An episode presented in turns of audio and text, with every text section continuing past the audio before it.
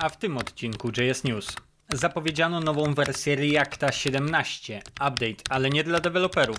Megapaka Roam zaczyna dostarczać funkcjonalności. Opowiemy o sposobie używania Node Modules w Deno oraz o nowym parametrze CSS Content Visibility i dlaczego chcecie o tym wiedzieć. Co nowego w Node? Nowa wersja 14.8, która lada moment zostanie wersją LTS, a na koniec zapraszamy na warsztaty online z Vue, o których więcej opowie mój dzisiejszy gość, Michał Czapkowicz. Devspresso. Newsy przedstawi dzisiaj Julek. I Piotrek. To jedziemy. Co w tym tygodniu, Piotrze? Dawaj. Mam świetną wiadomość. Będzie nowy React. Jej, wszyscy się Wow. cieszą, nie? Będzie nowy React. Ja się cieszę, no. Kiedy jeszcze nie wiadomo, bo to release candidate, ale uwaga, nie będzie miał nowych feature'ów dla deweloperów. Czekaj, czekaj, czekaj, czekaj. czekaj. E, słabo, nie? To, to mi podpowiada. Nie, nie rozumiem. Nie, właśnie, no właśnie, to jest ciekawe, bo tak, tak dokładnie to nie będzie nowych rzeczy dla dewe- deweloperów Reacta. React 17 będzie się skupiał na tym, by łatwiej było go upgrade'ować w przyszłości. Oho. Ciekawe rzeczy wejdą, uwaga. Jedna to jest to, że to, to co wcześniej robiliśmy, żeby podbić Reacta, to podbijaliśmy całą też aplikację, no bo jakby nie było wstecznej często kompatybilności, jak rzeczy wchodziły do Reacta, no to trzeba było zupdate'ować całą paczkę, przepisać część rzeczy, cała aplikacja stawała się jakby nową aplikacją Reactową, nie? To ogólnie teraz w Reactie 17 dojdzie coś, co nazwali gradual updates, czyli stopniowe update'y. Będziemy mogli sobie na przykład zrobić update z Reacta już 17 do 18, ale zostawić sobie React 17, bo na przykład korzystamy u nie wiem, z lazy loadingu, albo z jakiegoś, nie wiem, jakiś router, z którego korzystamy, korzysta z Reacta 17 z nowej wersji, więc będzie można jakby nakładać te rzeczy na, na siebie. Czekaj, czekaj. Że, że, żebym dobrze zrozumiał, chcesz mi powiedzieć, że jeżeli posługuję się jakąś funkcjonalnością związaną z konkretnym numerem wersji Reacta, to mogę jej dalej używać Tak. i zachować, natomiast całą paczkę Reacta i tak podbić? Tak, dokładnie. I teraz uwaga, magia jest taka, że żeby to osiągnąć, to zmienili to, w jaki sposób działa cały event delegation, czyli to, jak podpinane są event handlery w naszej aplikacji. Mhm. W tej chwili w Reactie poniżej 17, czyli 16 tak naprawdę, w tym to, co teraz mamy, wszystkie event handlery podpinają się bezpośrednio do dokumentu, nie? A w nowej wersji handlery będą podłączane do kontenera DOM, w którym nasze drzewo React jest bezpośrednio renderowane, czyli w tym divie, który jest niżej w body, Aha, więc aha. tam będą podpinane. I teraz magia jest taka, że jeżeli będą tam, no to będziesz mógł mieć taki duży kontener pod, z podpiętym Reactem 18, a w nim mieć mniejszy kontener, tak, no innego diva, który korzysta z React 17, bo masz wyżej 18 i w środku 17, więc będzie można jakby obudowywać sobie Aha. części aplikacji w ten, w ten sposób. O wow. To jest krok w stronę konteneryzacji, no nie? Trochę krok w stronę konteneryzacji i to jedną rzecz pozwoli jeszcze dodatkowo, po to, że będziemy mogli mieć kilka wersji React w jednej aplikacji, to jest, wiesz, jakby fajne, ale i tak większość z nas będzie chciało korzystać z najnowszych rzeczy. Taka jest prawda. Jednak ciekawszą rzecz, jaką to nam daje, to jest to, że będziesz mógł mieć aplikację Reactową, stricte aplikację Reactową i podpiętą ją na przykład do aplikacji, tak wtłoczoną do aplikacji, która jest napisana w jQuery. To dokładnie to pomyślałem. Próba tworzenia mikroserwisów i wszystkie przez iframe'y pospinane w jednym wielkim bałaganie, to tutaj mogę fragment aplikacji napisać w Reactie, a resztę mieć w nosie. Albo na przykład stopniowo przenosić całą aplikację do Reacta, dzięki temu, że mogę tylko fragmenty apki podpiąć, no nie? No, Ale jazda. Dokładnie. Kolejna rzecz, która pozwala na tą całą zmianę w Reactie, to jest brak Mhm. event poolingu. Może dokładniej, to pamiętasz, że jak się robi, podpina się event konkretny, to żeby go przepiąć do innej funkcji, trzeba wrzucić taki kawałek kodu, który jest event.persist, Mhm, mhm. żeby zachować, zachować cały event i, i przekazać go niżej. No to uwaga, w Reactie 17 tego nie będzie. W sensie nie będziesz musiał z tego korzystać, bo on nic nie Okej. będzie robił. Podpinanie tego eventu już będzie robiło event persist, taki typowy, Okej, czyli planują bardzo duże zmiany. Głównie zmiany na eventach i tam jest jeszcze dużo mniejszych zmian związanych na przykład z supportem dla przeglądarek niektórych, e, jak, jak będą działać te eventy. Zmian Mhm. jest naprawdę mnóstwo, przy czym to nie są zmiany stricte takie, wiecie, że jest nowy feature Reacta, nie? To jest to tyle ciekawe, że te, niby nie ma nowych feature'ów dla deweloperów, ale jednocześnie to się Mhm. zmieni się nasza praca, nie? No bo mogą przyjść do nas projekty Legacy, ktoś nam powie, jakiś menadżer, że hej, jest projekt Legacy, ale chcielibyśmy dobudować do niego kawałek widgetu w Reactie, czy mógłbyś to zrobić, nie? To brzmi ekstra. Dostanę mnóstwo ulepszeń i możliwości. Grubo, grubo. A to, że się zdecydowali na major release, to jest ciekawe podejście, bo w sumie oczekiwałbym, że coś dostanę. Tak, ja gdzieś przeczytałem taki fajny news, że React 17 to jest wersja dla menadżerów. W sensie te update'y są update'ami dla menadżerów. No trochę tak wynika z twojego opisu. No i dokładnie tak jest na blogu. Polecam zajrzeć na bloga react.js.org blog. A teraz posłuchaj tego. Pojawił się news od niejakiej paczki Rome. Słyszałeś już o Rzymie? Dawaj, o Romie słucha- słyszałem dużo. No właśnie. Pamiętam jak rozmawialiśmy razem z Sebastianem i z tobą jakiś miesiąc temu między nami na temat tej paczki, że może się dziać, że może być grubo. To teraz okazuje się, że zaczyna się to dziać szybciej niż sądziliśmy. I zacznę, zacznę od wprowadzenia dla ludzi, którzy mogą chcieć nas posłuchać. Szybkie info o tym, czym jest ROM i dlaczego mnie to jara. Zacznijmy od tego. ROM is designed to replace Bubble, Eslint, Webpack, Prettier, Jest and others. Czy uzupełniłbyś o coś tę listę jeszcze? Co jeszcze mogliby chcieć zamienić? Szczerze, Stylinta może no tyle rzeczy jest w tym naszym toolchainie frontendowym, że chyba e, Gulpa i Grunta, nie? Ale to Webpack stary. mogliby jeszcze tak. No, no teraz to ja nie wiem, co jeszcze mogliby do tego dorzucić. W każdym razie taki jest ich zamiar. A co dostarczyli teraz, to za chwilę opowiem. Ich celem jest zrobić project setup od zera do bohatera bez żadnego konfigu. Ale dobra, najpierw o tym, kto za tym stoi. No to za tą paczką stoi nikt i wszyscy zarazem. Ten projekt ma bardzo precyzyjnie opisany od początku do końca governance model, który jest w pełni demokratyczny i zależny wyłącznie od tego, czy kontrybuujesz, czy nie. Dodajesz kod, to masz na niego wpływ, nie dodajesz, nie masz wpływu. Jeżeli kontrybujesz, dostajesz dostęp do wszystkich repo w organizacji ROM, dostajesz głos w temacie tego, co zostanie zmerdżowane, a co nie.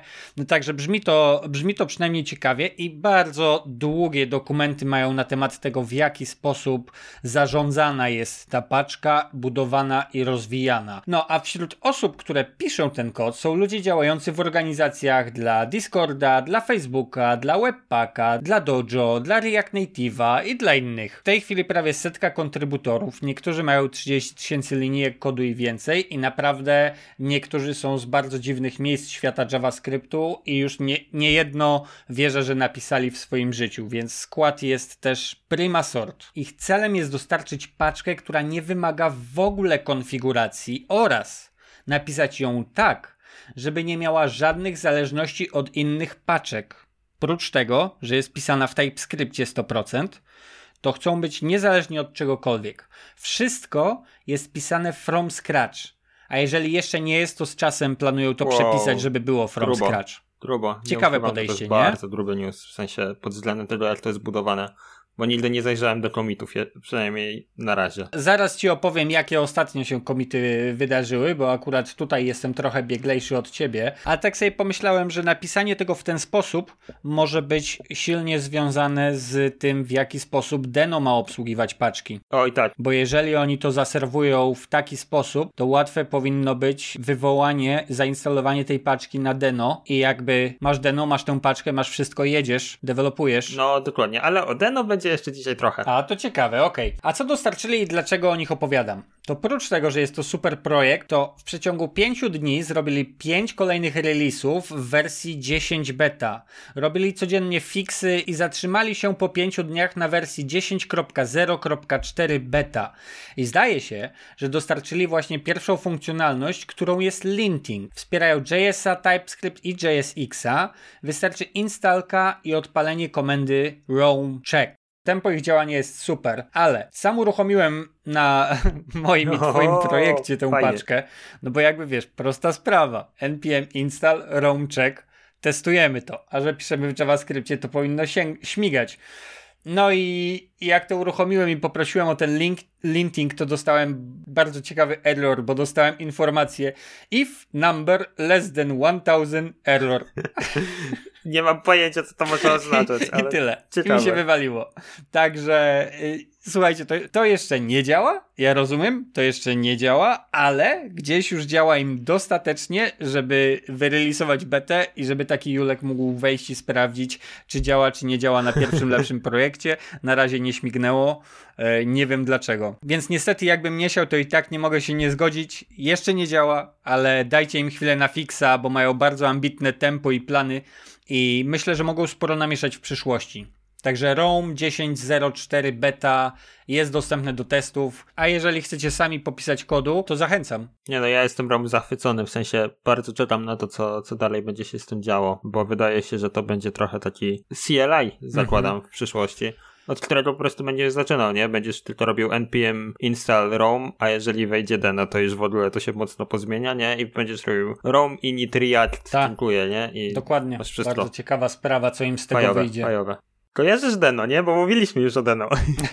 Wiem, że istnieje Deno, zgadza się. No, dla ludzi, którzy nie wiedzą, czym jest Deno, Deno to jest nowy silnik do JavaScriptu i TypeScriptu dokładnie napisany przez gościa, który napisał Node.js, stwierdził po prostu, że hej, Node.js nie był najlepszy, więc stworzę coś nowego i tak powstało tak naprawdę Deno, które trochę odwraca pewne koncepty. No i właśnie jednym z takich konceptów, który jest w Deno, to jest coś, co jakby bardzo to definiuje, to jest to, że instalujemy, jakby nie ma package managera, może tak, nie mamy package managera. Instalujemy paczki bezpośrednio z URL-a, a właściwie nawet ich nie instalujemy, bo je tylko importujemy. W Node.jsie musimy wykorzystywać moduły Common.js i zainstalować Yarnem albo npm-em. Później mamy Node Modules, jakieś e, linkowanie. No i słuchaj tego. Ja sobie tak ostatnio czytam o Deno właśnie, no i mhm. tak patrzę na tytuł ty, ty, i tak jest. Using Node Modules in Deno i mówię, Node Modules in Deno, fajowe. Dobra, wejdę, nie? No i sobie klikam, a tam niejaka Ada Rose Canyon Laseczka w ogóle jest super, bo pracuje nad przeglądarką Samsung Internet i jest współprzewodniczącą mm -hmm. W3C Immersive Group, a ta grupa dokładnie zajmuje się mm -hmm. głównie rzeczami z takimi imersywnych rzeczy, na przykład WebXR, czyli AR-ką i VR-ką. Mm -hmm. Dokładnie w webie. No i ona tak, napisała tak. taki cały post na temat użycia tych modułów e, znanych nam z Node.js'a za pomocą Deno. No i teraz pewnie możesz się zastanowić, jak to zrobić, nie? No to uwaga. No jedziesz. Jak dobrze wiesz, część modułów takich Node.jsowych już w tej chwili korzysta z ES Modules importów i exportów i po prostu -hmm. możesz sobie podlinkować, zrobić import i pociągnąć z, z e, unpackage'a. To tak. jest jedna rzecz. Moduły, które nie korzystają z importów i exportów, ale korzysta ich source code, bo tak może być, bo mają na przykład webpacka pod spodem podstawionego, to możesz się podpiąć pod source code na przykład z GitHuba i zrobić import tej paczki z mhm. URL do source code'u.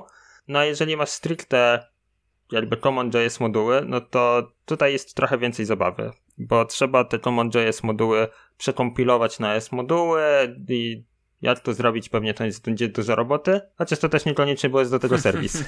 Więc mamy serwis, który się nazywa JSPM i on tak naprawdę służy do tego, żeby móc importować sobie paczki te common.jsowe bezpośrednio do przeglądarki. Ale dlaczego nie skorzystać Aha. z tego w Deno?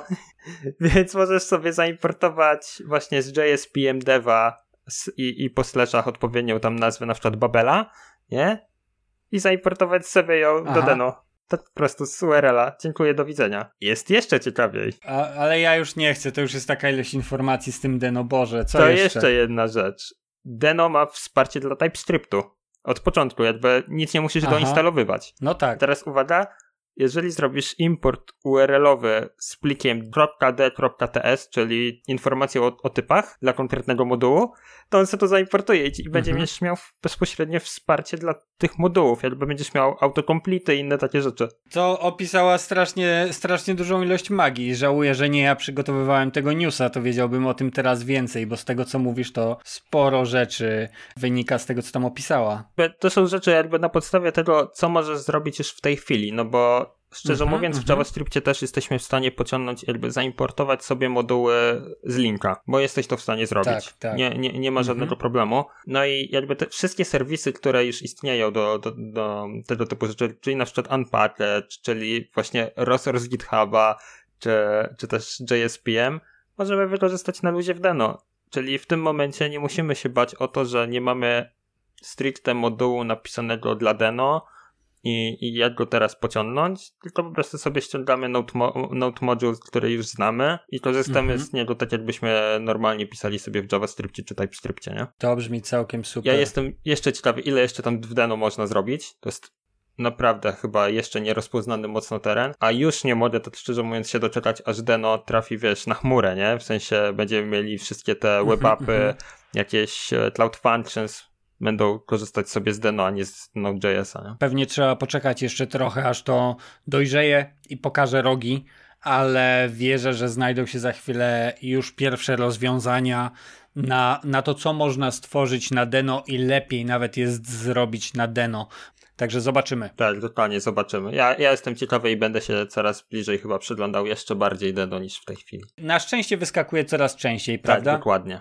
Dobra, to teraz y, newsik dla ciebie, bo wiem, że jesteś miłośnikiem CSS-ów. Jest y, bardzo ciekawe property, które jest już w silniku Chromium 85, a Firefox zaraz się za nie będzie zabierał, żeby, żeby zaprototypować. No wiesz co, ja nie jestem fanem, fanem, mistrzem, królem CSS-a i w ogóle nie, nie staję w szranki z tobą, ale pomyślałem, że przedstawię ci te informacje i wiesz, postaram się, e, żebyś o CSS-ie coś ciekawego dostał ode mnie tym razem. No, to trzeba z tym newsikiem spokojnie, bo jest to trudne i wierzę, że sam całkowicie tego nie zrozumiałem, ale feature jest wart uwagi. Tytuł artykułu zamieszczonego na web.dev brzmi następująco. Content Visibility. The new CSS property that boosts your rendering performance. Brzmi cudownie. I teraz tak. Jakby, wiesz, na zasadzie Blazing Fast i inne podobne. Tak, tylko tutaj jest dużo teorii w tle i trzeba naprawdę dowiedzieć się troszkę więcej o CSS-ie. Ja postaram się po prostu to wytłumaczyć, bo trzeba się dowiedzieć o CSS-ie, o budowaniu CSSOMA, o całym procesie renderingu i kiedy co ma na co wpływ, bo przepraszam bardzo, ale w CSS-ie zaczynają się pojawiać propertiesy odpowiedzialne za to, w jaki sposób przeglądarka renderuje nasz projekt. Także już Ci mówię, Dawaj, co tu się dawaj. dzieje. Content Visibility pozwala nam, żeby User Agent pominął element w trakcie kolejnych kroków renderu, dopóki element nie jest potrzebny i nie trzeba go wyrenderować, ponieważ staje się widoczny. Czyli przy pomocy CSS-a można nie wyrenderować elementu. Dopóki nie jest widoczny, to nie zostanie wyrenderowany. Tak jak szarpaliśmy się niejednokrotnie e, z Intersection Observerem Mhm. po stronie JavaScriptu, to w przypadku CSS-a teraz wystarczy nam jedno property. Fajowe. To jest super, bo to, bo to dużo zmieni. Naprawdę. To wszystko opiera się na tym, w jaki sposób przebiega proces renderu po stronie przeglądarki. To jest po prostu jakby dać flagę jakiemuś silnikowi czy własnej aplikacji, żeby tego nie robiła, a to robiła, no nie? Czyli tak jakby bezpośrednia wtyczka, tylko że zmiana zachodzi na poziomie bezpośrednio twojego drzewa HTML-owego, gdzie możesz ukryć cały fragment drzewa i następujące po nim elementy tylko przy pomocy tego property. Czyli pisząc dobrze HTML i CSS zyskujemy bardzo duży performance, ponieważ celem tutaj jest przyspieszenie renderowania o 50%, a jak za chwilę podam przykład autorów, im się udało siedmiokrotnie przyspieszyć performance ich strony eksperymentalnej. Więc wierzę, że to może być duża zmiana. Oj, no tak, to prawda. Masz gdzieś ten przykład, albo jest gdzieś on tak stricte dostępny, żeby można było to zobaczyć? Jeżeli chodzi o kod, to tak naprawdę niewiele trzeba zobaczyć, bo zaraz ci go opowiem i myślę, że zrozumiesz o co poszło, a cała reszta magii działa się bezpośrednio po stronie przeglądarki, więc... Hit me. You know. A jak coś, to pełny opis jest we wpisie na blogu WebDev, o którym mówię. Dobra, to jedziemy. Sprawa wiąże się bardzo mocno z konteneryzacją kontentu. I konteneryzacja pozwala nam przekazać info do przeglądarki na temat tego, co jest częścią całego kontentu.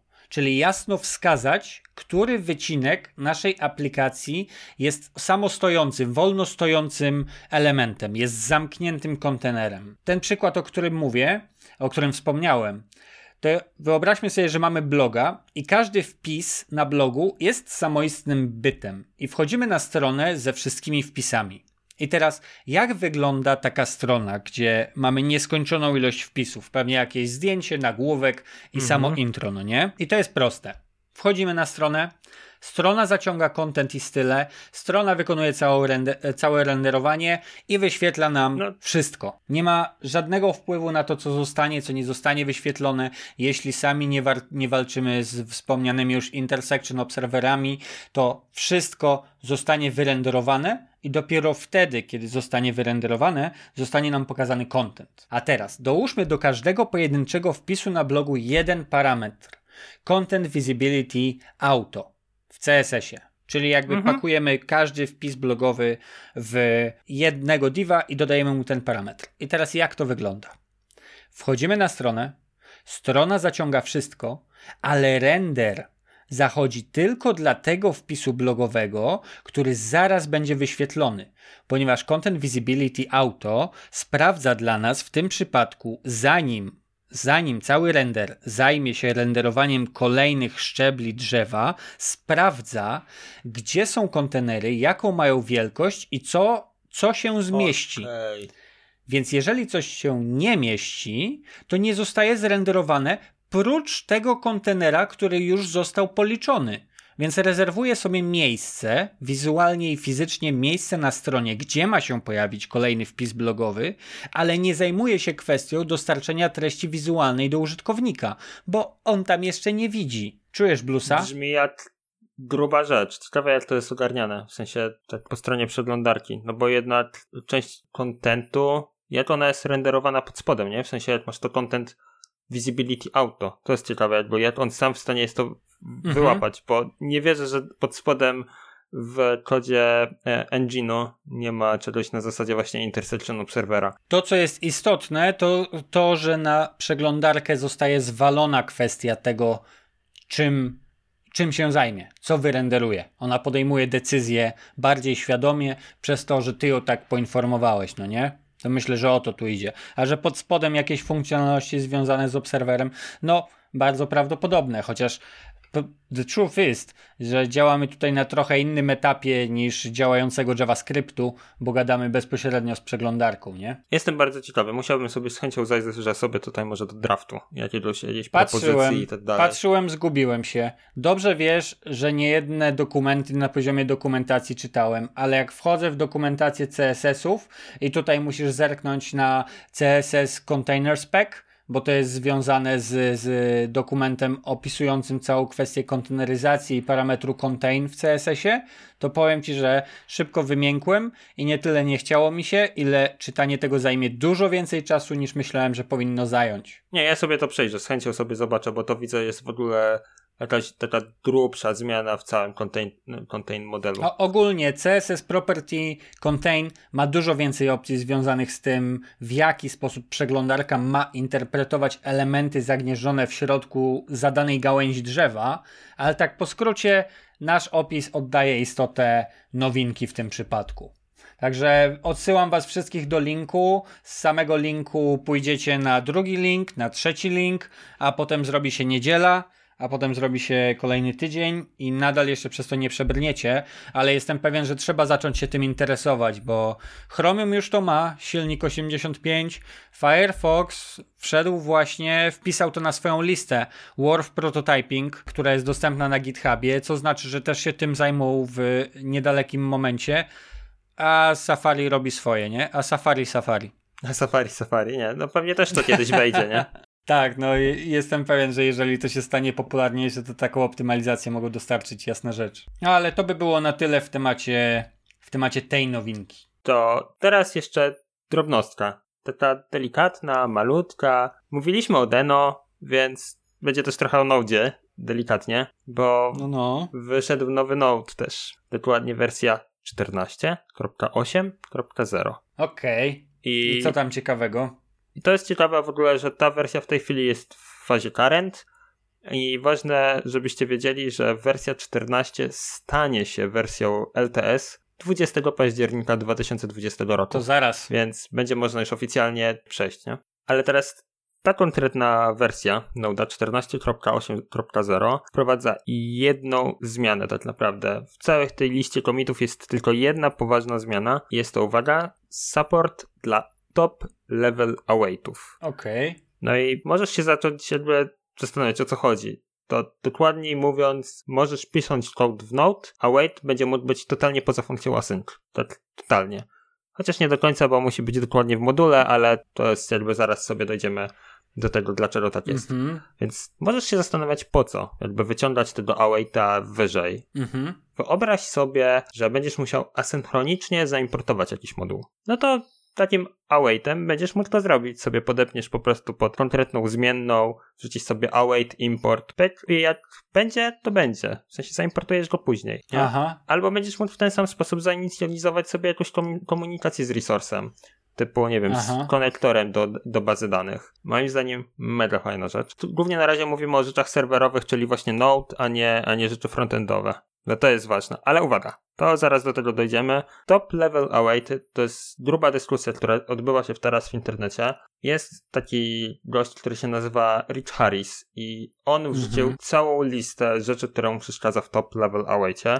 Zrobił to dokładnie na GitHubie za pomocą Gista. No i wrzucił to, wy, wypunktował te, te błędy. Jednym z nich to jest to, że na przykład top level await może zablokować nam egzekucję kodu, albo zablokuje nam pobieranie resursów.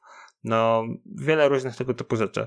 Na co twórcy top level awaita w Node powiedzieli wprost, no wiecie co, to nie do końca tak będzie działać, nie? Bo na przykład, jeżeli chodzi o egzekucję kodu, no to ona się zadzieje tak naprawdę dopiero po. W sensie, jak będą e, nowe elementy dostępne po awaitie, no to wtedy się odpalą. Cała reszta idzie i tak asynchronicznie. Uuu. Druga rzecz, jeżeli chodzi o fetchowanie resursów, no to cała ta faza awaitowania jest robiona już po tym, jak zafeczowaliśmy sobie to wszystko. Już wszystko mamy. Nie ma, nie ma blokowania, no bo już wszystko mamy, tylko po prostu się podpinamy do rzeczy, e, które albo już są, albo dopiero do nas przyjdą, nie? O, kurczaki. No, więc tego typu rzeczy. Na chwilę obecną niestety nie mamy top level awaitów na froncie. Mhm, jedynie, a szkoda. Jedynie Chrome jest taki mądry, można tak to powiedzieć, i wspiera takie nowinki. No bo w tej chwili top level awaity są w, mają wsparcie w Chrome. Sama funkcjonalność top level awaitów jest wrzucona jako propozycja w TC39 w formie szkicu i te, ten szkic jest w tej chwili w stage 3, więc jesteśmy już dość blisko tego, żeby to rzeczywiście mieć w języku, ale będzie w języku to pewnie będzie i w Babelu, i w konkretnych przeglądarkach już dalej, więc będziemy mieli tu pięknie rozwiązane. Powiedz mi, jak działają te TC39 stage? Bo mi się wydawało, że 4 to jest draft, że tam zaczyna się dyskusja, ale jak wejdzie 0 to jest implementowany. Czy tam na jedynce to już masz właściwie pewniak, że będzie zaimplementowany? Tak, więc to jest naprawdę 0 to jest to, że będziemy jakby wchodzi, wejdzie mhm. jako propozycja do języka stricte. E, jedynka no to jest implementacja, dwójka Aha to jest z tego co pamiętam e, coś w rodzaju RFC. E, Stage Proposition 2 to jest właśnie tak, tak. Nie? RFC, jeszcze tak. dyskusja tak. otwarta. Dyskusja otwarta. Stage 3 to jest jakby stan przed tym, jak przyszedł typowy draft, tak? Jakby po tym, jak przyszedł typowy draft, a, a, już tak naprawdę zaczynamy myśleć głębiej, co rzeczywiście chcemy, żeby ta konkretna funkcjonalność robiła. O trójce zawsze myślałem jako o stage'u, na który przyjmujemy rozsądne propozycje. No mniej więcej na tej, na tej zasadzie, nie? W sensie wtedy rzeczywiście się zajmujemy tym, jak to może rzeczywiście działać, nie? Stwierdzamy, że to chcielibyśmy to, mieć w języku. chce, nie? niech o tym pomyśli, tak. Więc tak, tutaj Node e, nam wchodzi z nowymi rzeczami, jakimi są top level awaity i tyle. Jakby patrzcie sobie też na tym, co się, co się dzieje bezpośrednio e, na blogu Noda. No, na Node trzeba zacząć trzymać rękę przez te informacje, że wchodzi 14 20 października, bo wydaje mi się, że trzeba się zainteresować po, po dłuższym czasie, jak podewelopowali, to co jeszcze, co jeszcze tam pod spodem jest, co może mi się za chwilę gdzieś przydać przy jakichś procesach czy kombinowaniu, prawda? Ja, dokładnie tak. Tak, ale to opowiemy z pewnością bliżej października, kiedy zacznie się pojawiać wersja 14 wszędzie i zacznie nam grozić update do LTS-a. A teraz jeszcze szybki wywiad z naszym gościem. Cześć Michał, Dzięki, że do nas wpadłeś. Powiedz mi, z czego zamierzasz przeprowadzić warsztat w najbliższy weekend? Warsztaty będą prowadzone z wstępu do Vue.js. E, Vue.js jest frameworkiem do tworzenia aplikacji webowych. E, jest głównym e, konkurentem Angulara i Reacta. Jest też mocno nimi inspirowany, więc jest do nich podobny i w pewnych aspektach jest też od nich lepszy, bo jest od nich szybszy i lżejszy. Zaczniemy Aha. od Vue CLI, następnie omówimy sobie komponenty, pomówimy o cyklu życia komponentu, pomówimy o dyrektywach, e, przejrzymy najczęściej używane dyrektywy, później przejdziemy też do eventów i na koniec pomówimy o Computed i Watch, w jaki sposób one usprawniają pracę, do czego warto je wykorzystać, czym się różnią e, i właściwie na tym zakończymy. Jasne, to jest super. Jakie ty masz doświadczenie w pracy z Vue? Tworzę na nim własne projekty. Kilka projektów, które wisi, e, też stworzyłem dla, dla własnych klientów i trochę też wykorzystuję w pracy od dwóch lat. Dlaczego zdecydowałeś się poprowadzić warsztat w ramach Dev Meetings Online? Przede wszystkim uznałem, że to dobry moment, żeby samemu poprowadzić warsztaty. Przez prawie rok mentorowałem i pomagałem innym. To wszystko brzmi ekstra. Dzięki wielkie jeszcze raz, że, że wpadłeś do nas gościnnie przedstawić temat warsztatu na najbliższy weekend. Z naszej strony zapraszamy wszystkich, którzy jeszcze chcieliby się zgłosić. Warsztaty odbywają się 100% online w sobotę przed południem i będzie dla Was prowadził Michał Czapkowicz. Dzięki Michał. Dzięki wielkie, pozdrawiam. A na razie dzięki Piotrze, że się dzisiaj złapaliśmy nagrać kolejny odcinek i do usłyszenia za tydzień, nie? Tak, dokładnie. Do usłyszenia wszystkim.